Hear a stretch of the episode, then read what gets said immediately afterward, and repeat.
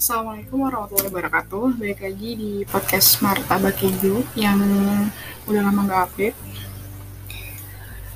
Jadi di sini gue mau ngobrol tentang uh, buku. Karena seperti judulnya nyimak buku, ini udah nyimak buku yang ketiga kayaknya. Dan ini adalah buku ketiga gue yang pengen gue review. Judulnya adalah Becoming karya Michelle Obama. Jadi gue sebelumnya udah ngerekam beberapa di library Anchor. Cuman topiknya gak apa ya menurut gue topiknya ini kayaknya nggak cukup seru dan gak cukup bermanfaat dan mungkin terkesan sotoy. Jadi gue memutuskan untuk bikin topik yang sama cuma nanti aja gitu. Dan sejauh ini mungkin cuman ini topik yang menurut gue bisa bermanfaat buat orang. Oke lah. Jadi uh, kita akan review buku Becoming. Uh, pertama gue cerita dulu kenapa gue beli buku ini? Tidak seperti dengan review-review yang lainnya karena ini review ngasal jadi kita ngobrol aja. Kenapa gue belum kenapa gue beli buku ini? Jadi buku ini itu gue beli uh, online all of sudden tiba-tiba gue pengen beli buku ini. Gue tidak merencanakan sebelumnya. Sama kayak gue beli buku sebelumnya Of Art of Nine Towers itu juga tidak gue rencanakan gue beli buku Becoming ini karena gue um, bisa dibilang kagum dengan sosok Michelle Obama karena gue uh, suka ngeliat uh, pidatonya dia di YouTube dan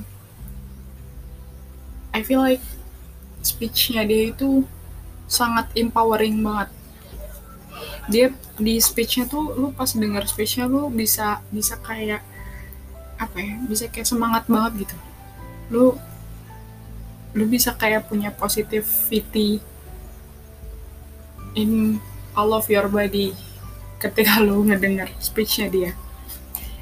Dan gue nggak tahu kalau eh gue nggak tahu. Dan gue baru tahu kalau misalkan dia punya uh, dia bikin buku dia punya buku sendiri dia nulis buku judulnya Becoming. Akhirnya gue beli deh. Gitu. Gue gue sebelumnya nggak nggak baca sinopsisnya atau apa. Ya kurang lebih kalau kita lihat dari covernya ada dianya ada dianya mesti ada muka dianya. Uh, ini ini menunjukkan bahwa buku ini adalah buku biografi. Wait ada notif Shopee. Oh nggak penting. Iya kayak gitu jadi gue beli buku ini karena kekaguman gue.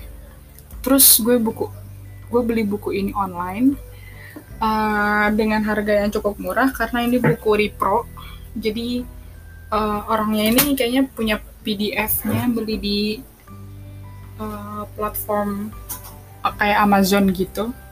Terus dia uh, nge-repro terus semuanya kertasnya kayak kertas novel gitu yang warna yang warna krem enak dibaca gitu. Baunya juga enak. Terus ini juga soft cover karena buku aslinya cukup mahal dan covernya uh, dan hardcover kenapa gue beli yang repro? Karena budgetnya sedikit low budget guys. Jadi gue saranin kalau misalkan emang ada duit ya beli yang asli lah. Ini karena low budget jadi gue beli buku repro yang murah-murah aja.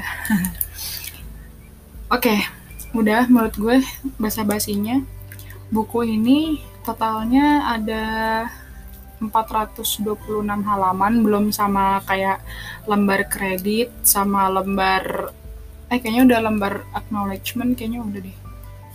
426 halaman belum sama yang lembar-lembar awal-awalnya yang kayak daftar isi gitu-gitu mungkin kalau di total bisa 430 atau 440 halaman. Jadi tebel. Dan seperti yang pernah gue bilang di podcast sebelumnya, kalau gue lagi suka buku-buku tebel karena dibacanya lama dan hemat juga. Oke. Okay. buat lo yang nggak suka buku biografi atau nggak suka buku tebal gue saranin mungkin tidak usah menghambur-hamburkan duit untuk beli buku ini karena jatuhnya nanti malah nggak dibaca malah nganggur. Di buku ini dibagi jadi 1, 2, 3, 4, 5, 6 6 bagian. Di contensnya itu ada preface. Preface itu kayak apa ya? Kayak latar belakang mungkin kalau deskripsi jadi preface itu kayak latar belakang. Terus ada becoming me. Becoming me itu uh, tentang Michelle. Dari dia kecil sampai dia suka dan uh, jadian sama Barack Obama. Terus Becoming Us dari jadian sama Barack Obama merencanakan untuk menikah dan uh, menemani Barack Obama sampai uh, maju ke maju menjadi presiden terus di Becoming More ini nyeritain uh, kehidupannya dia setelah Barack maju jadi presiden dan more like kehidupan dia jadi first lady. Terus ada epilog uh, kayak epilog tuh ya epilog kayak biasa penutup dari sebuah bacaan. Lalu ada acknowledgement kayak uh, apa ya uh, apa ucapan terima kasih ke orang-orang yang berkontribusi ke pembuatan buku ini. Publishernya adalah Crown uh, dicetak di New York dan uh, ya yeah, nama publisher itu Crown dicetak di New York. Oke, okay, ini buku ceritain apaan sih gitu kan? Uh, eh, gue nggak sabar banget uh, pengen cerita tentang isi buku ini and what I've learned from the book. Dan kalau di rating gue akan memberi buku ini 10 per 10 10 out of 10 ini buku bagus banget gila. Um, gue sampai bingung uh, harus mulai dari mana btw gue beli buku ini maksudnya buku ini datang ke kosan gue itu bulan Desember tanggal 2 lalu gue selesai baca ini bulan Januari tanggal 31 2021 which is hari ini. Dan gue ingin uh, segera menyelesaikan eh segera membuat podcastnya karena takut nanti kelupaan tidak tahu apa isi-isinya. Jadi make it fast. Oke. okay. What I've learned from this book. Um, intinya di sini yang gue tangkap adalah uh, Michelle sadar bahwa setiap orang itu punya cerita untuk di uh, keep oleh masing-masing orang. Tapi uh, di samping itu cerita yang dimiliki setiap orang itu juga bisa berdampak ke orang lain. Dampaknya apa? Dampaknya orang lain jadi gak ngerasa sendiri gitu. Orang lain jadi merasa uh, dia punya teman dia punya spirit baru dari cerita orang itu. Gue sama sekali uh, sebelumnya gak pernah tahu uh, latar belakang Michelle seperti apa. Nyari-nyari uh, di Wikipedia gitu gak pernah sefanatik itu. Dan memang uh, apa ya mungkin jatuhnya lo ngelihat ini sebagai something like political thing but enggak. Intinya kalau misalkan intinya tuh banyak sebenarnya. Banyak uh, hal yang gue dapat dari buku ini. Selain tadi tentang poin kenapa dia akhirnya bikin buku biografi adalah dia pengen cerita dia itu bisa apa ya bisa relate sama beberapa orang. Dia pengen uh, bener-bener nyeritain diri dia uh, di buku ini. Kayak kayak dia cerita aja kayak dia bikin jurnal sendiri gitu. Dia pengen uh, dengan buku ini orang-orang bisa relate sama cerita dia. Orang-orang bisa uh, merasakan positif positive vibes yang dia sebarkan lewat bukunya. Uh, mungkin dari apa ya? Mungkin dari gimana gimana Michelle pada saat dia kecil. Di sini ada yang menarik bagi gue. Dan ini bisa gue relate banget karena Michelle waktu kecil itu dia pengen jadi uh, pediatrician atau kayak dokter anak gitu, dokter spesialis anak. Dan ketika dia gede, ketika dia udah mau masuk kuliah, dia memutuskan untuk masuk law school. Dia pengen masuk Princeton University. Yang mana Princeton itu salah satu universitas Ivy League. Kayak PTN tergeng apa bergengsi lah di Amerika Serikat. Yang masuk itu susah banget. Yang uh, orang-orang di sana itu biasanya orang-orang berkulit putih, orang-orang yang wealthy enough to enter the university gitu. Tapi ada satu hal yang yang membuat Michelle pada saat itu dia bersemangat kenapa bisa masuk Princeton University adalah ketika dia um, ngomong kayak konsul gitu sama guru BK-nya lah. Dan guru BK-nya bilang kayak lu nggak apa lu nggak lu tuh you're not Princeton material dibilangnya. Lu bukan tipe-tipe anak Princeton lah. Ya apa ya di sini gue cukup relate karena apa um, ini agak ini agak hmm, kenapa gue bisa relate? Tapi sebenarnya relate-nya lebih ke soal perptn ya. Tapi sebenarnya yang ngomong gini tuh bukan orang lain ke gue. Yang ngomong gini tuh gue ke gue. Jadi dulu itu gue pernah mikir uh, gue pengen masuk UI gue pengen masuk uh, unpad. Tapi gue membatasi diri gue gitu kayak uh, apa ya dan bahkan orang-orang terdekat gue juga udahlah uh, masa sih SMA anak anak SMA gue bisa masuk univ-univ uh, eh, PTN lima besar? Karena pada saat itu Unpad ada 15 ada di lima besar. Bahkan gue nggak pernah tahu jalan hidup ini membawa gue ke mana dan akhirnya alhamdulillah bisa masuk Unpad mungkin Unpad is one of the Ivy League in Indonesia. Nggak tahu juga sih gue tapi ya udahlah. Tapi gue pikir sih iya. Terus dari satu itu dari perjuangan dia masuk PTN yang dia udah diremehin sama guru BK-nya itu itu salah satu hal yang bisa gue relate banget dan itu cukup unik sih. Dan di Princeton Michelle berkembang menjadi orang yang kritis, menjadi orang yang uh, hebat. Dan Michelle ini adalah salah satu uh, orang yang cinta komunitas. Dia tuh suka uh, membuat gerakan-gerakan aktif di organisasi yang empowering people gitu loh. Orang-orang yang uh, membantu, mengadvokasi gitu-gitu. Dan uh, dia banyak berkecimpung uh, bukan banyak uh, dia sempat kerja di rumah sakit jadi salah satu advokat gitu kepala advokasi apa gitu kalau gue nggak salah dan uh, itu membuat dia melek akan uh, kesehatan terutama nutrisi pada bayi dan balita children ya. Dia mention di situ children 1 to 5 years old.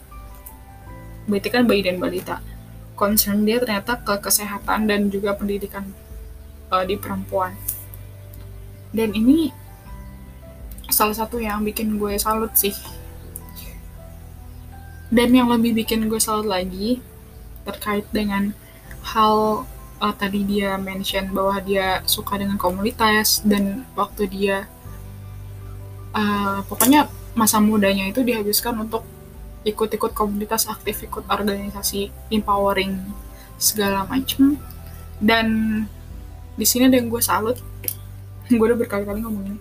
Ada yang gue salut uh, ketika Barak disumpah jadi presiden dan dia menjadi first lady. Gue pikir sebelumnya kan gue nggak tahu first lady itu tugasnya apa. Gue cuma tahu first lady itu ya istrinya presiden dan dibubuhkan dengan label first lady. Gue pikir first lady itu kayak punya job desk sendiri di di pemerintahan Amerika di kepresiden Amerika. Dan gue baru tahu dari buku ini buku Becoming ini bahwa first lady itu gak punya tugas atau job desk apa pun gitu. First lady itu bukan bukan bukan tugas seberat presiden gitu. Dia ya cuman istri seorang presiden aja lucky enough siapa pun yang jadi first lady gitu. Dan dia punya privilege untuk ngelakuin semua hal karena dia punya titel itu. Dan first lady digambarkan sama si Michelle di buku ini kebanyakan. First lady itu ya cuman datang di di acara-acara penting pakai dress pakai make up bagus apa rambutnya bagus nemenin presiden hai dadah-dadah ke kamera gitu. Cuman gitu doang sebenarnya. Dan itu agak membuat dia sedih. Karena dia nggak mau and end up menjadi first lady yang kayak gitu. Akhirnya dia mencoba gaya baru di mana dia menggunakan powernya dia sebagai first lady untuk bikin eh, gerakan-gerakan uh, inisiatif yang bergerak di uh, kesehatan tadi yang gue bilang uh, terutama memperbaiki nutrisi balita balita-balita anak-anak di Amerika dan gerakan-gerakan untuk nyemangatin pemuda-pemuda Amerika itu supaya pengen lanjut sekolah terutama perempuan. Dan uh, dia juga menyuarakan bahwa menjadi minoritas itu hal yang harus disyukuri dan harus dimanfaatkan sebaik-baiknya kayak lo meskipun lu black meskipun lu African American tapi lu juga punya voice lu juga punya power yang sama seperti mereka yang white. Dan ini agak nyentuh nyentuh banget di gue. Dan gue beberapa waktu lalu juga sempat tersadarkan bahwa sebetulnya uh, sebetulnya beberapa fase di hidup kita ini tuh sama kayak pada saat si Michelle ini menjadi first lady. Dia have no idea bakal ngapain jadi first lady gitu. Bahkan di awal-awal jadi first lady dia tuh memikirkan banget kayak gue sebagai first lady gue harus gue harus ngapain? Karena gue gak ada job desk gue bingung gitu. Uh, dia pengen bisa intinya dia pengen bisa bermanfaat buat orang lain. Dia nggak mau jadi first lady yang cuman mejeng doang kasarannya gitu lah. Dan gue mikir aja sebenarnya kita di kehidupan tuh juga gitu kan. Sometimes kita ada di tempat yang kita nggak tahu kita nih eh kita nih. Di tempat ini nih kita bakal ngapain sih? Kenapa kita ditaruh di tempat ini? Pasti banyak semua dari lo yang mungkin berpikir kenapa sih sekarang gue ada di jurusan ini. Kenapa sih sekarang gue tuh di pekerjaan ini? You have no idea. Tapi uh, tapi apa yang bisa lo lakukan dari apa gini?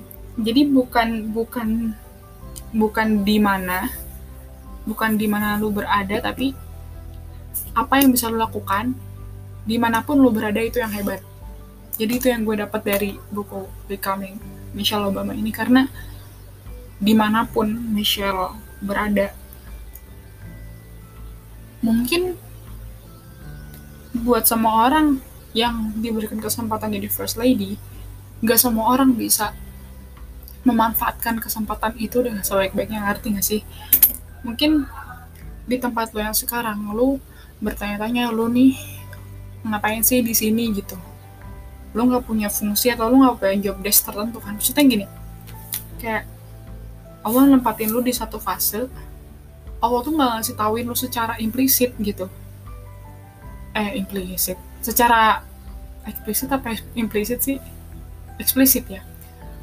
Allah tuh nggak ngasih lu secara eksplisit ini nih lu di sini tugas lu ini ini ini. Tapi Allah cuman ngasih lu nurunin lu di suatu tempat ngasih lu di suatu tempat nempatin lu di satu tempat dan Allah meng apa me, apa menempatkan lu di sebuah tempat yang penuh dengan banyak kesempatan dan itu gimana lu memanfaatkan kesempatan itu yang lebih penting sebenarnya dan memanfaatkan kesempatan itu plus you like it oke okay. uh, Michelle Obama ketika dia jadi first lady dia bilang bahwa dia dari dulu tuh benci banget sama yang namanya politik oke okay? ketika itu kenapa ketika dia masuk uh, jurusan hukum dan dia nggak mau berkecimpung sama urusan hukum yang ada politiknya kayak jadi uh, pengacara and stuff. Karena menurut dia itu karena menurut dia itu too much politik di pekerjaan itu dan dia memutuskan untuk keluar dari uh, pekerjaan jadi pengacara itu dan berusaha mencari ada nggak sih pekerjaan atau sesuatu yang bisa gue lakukan dengan ilmu yang udah gue dapet tapi gue suka gitu. Karena gue suka community kata dia. Akhirnya dia sempet kayak ya banting setir gitulah. Dia mencari cara untuk bisa uh, bekerja di uh, lingkungan kerja yang benar-benar dia suka. Awalnya dia memang masuk ke tempat yang dia nggak suka. Maksudnya tempat yang kayak hukum kayak law firm gitu. Tapi sepanjang perjalanannya dia akhirnya dia nemuin satu titik di mana dia bisa uh, mempunyai pekerjaan yang dia suka. Dengan banyak perenungan tentunya. Dan buku ini kayak enlighten me banget. Terutama untuk orang-orang yang lagi di fase quarter life crisis ya menurut gue buku ini bisa ngebantu lo banget untuk uh, apa ya untuk percaya sama apa pun yang ada di depan lu saat ini. Mungkin lu mengkhawatirkan banyak hal ke depan. Kayak ngelihat temen lu udah bisa A udah bisa B sementara lu masih di sini. It's okay bahkan untuk seorang Michelle Obama aja. Bahkan untuk seorang istri presiden yang kuliah di Universitas Ivy League. Dia masih nemuin banyak obstacle di hidupnya. Dan dia dan dia punya satu poin yang ini tuh kena banget di mana dia bilang yang lu butuhin tuh cuma yakin aja sama diri lu and live the process gitu. Dan hi, apa dan hidup di dalam proses dan jalani prosesnya. Menurut gue nilai resilience what is resilience dia sering mention resilience di di bukunya tapi gue nggak tahu artinya apa ketahanan ya jadi kalau Bapak selalu menekankan bahwa you have to survive di hidup lo. Yap, resilience itu adalah the capacity to recover quickly from difficulties, toughness. Jadi bener ya, jadi dia selalu mention resilience resilience. Itu adalah gimana uh, buku ini mungkin bisa jadi salah satu apa ya referensi gitu. Buat lu bahwa life is just about the resilience. Life is just about doing what you love. Dia suka uh, dia bilang bahwa dia um, di buku ini mungkin gak semua dari kehidupan Michelle dia tumpahin ke sini. Mungkin masih ada beberapa poin yang dia tutupin but the point of the book she made is to inspiring people. Bahwa dia pengen uh, membagikan cerita dia sebanyak-banyaknya karena dia tahu bahwa di dunia ini yang ngalamin hal kayak dia tuh nggak dia doang. Ada beberapa poin di hidupnya kayak poin hidup yang ini itu sama kayak poin hidupnya si A poin hidup fase yang ini tuh mirip kayak orang si uh, kayak orang yang B.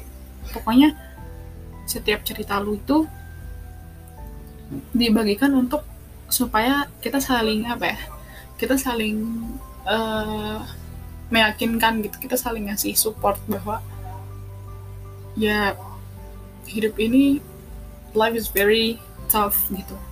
You have to be tough you have to be resilient dan buku ini insya Allah bisa bikin kehidupan quarter life crisis lo mungkin a little bit better. Mungkin lo bisa ngelihat dari point of view yang berbeda. Mungkin dengan buku ini lo bisa kembali bangkit dan menghadapi segala kesulitan yang ada di depan. Lo menurut gue buku ini bagus banget untuk dibaca dan untuk direnungi. Yep that's it. Review dari gue intinya adalah beli bukunya. Intinya adalah lu mesti apa ya lu mesti punya duit satu. Kedua lo mesti uh, apa lo mesti bisa bahasa Inggris. Tapi kayaknya enggak juga karena gue lihat di Gramedia banyak buku banyak buku translatannya tapi gue lebih suka buku bahasa Inggrisnya karena um, kalau misalkan buku bahasa Inggris ditranslate ke buku bahasa Indonesia biasanya artinya aneh. Jadi uh, gue lebih suka bahasa Inggrisnya. Dan ini worth to read banget. Gue merekomendasikan ini ke siapa pun yang butuh rekomendasi buku. Yep mungkin itu dulu aja uh, podcast di tahun 2021 ini semoga dengan adanya review ini teman-teman bisa beli bukunya dan gue saranin beli yang kalau ada duit beli yang asli dan bahasa Inggris untuk melatih bahasa Inggris kalian dan menghargai uh, menghargai dunia perbukuan. But if you broke like me, you just have to buy the repro one and keep it for yourself. Hmm. Karena apa ya? Karena yang karena yang ngeprint lagi itu juga beli aslinya maksudnya. So dia berani repro ngerti gak sih lo kayak dan dan dia juga beli dan dia juga dan dia dan orang yang nge-repro ini juga menjaga tetap menjaga kualitasnya gitu. Kalau di toko yang gue beli itu dia si lemnya ini bener-bener kuat. Jadi lu tidak perlu khawatir buku setebal ini meskipun repro di, di, di print sama orang yang bukan kayak pencetak buku asli gitu. Lu nggak perlu takut bakal copot-copot bukunya.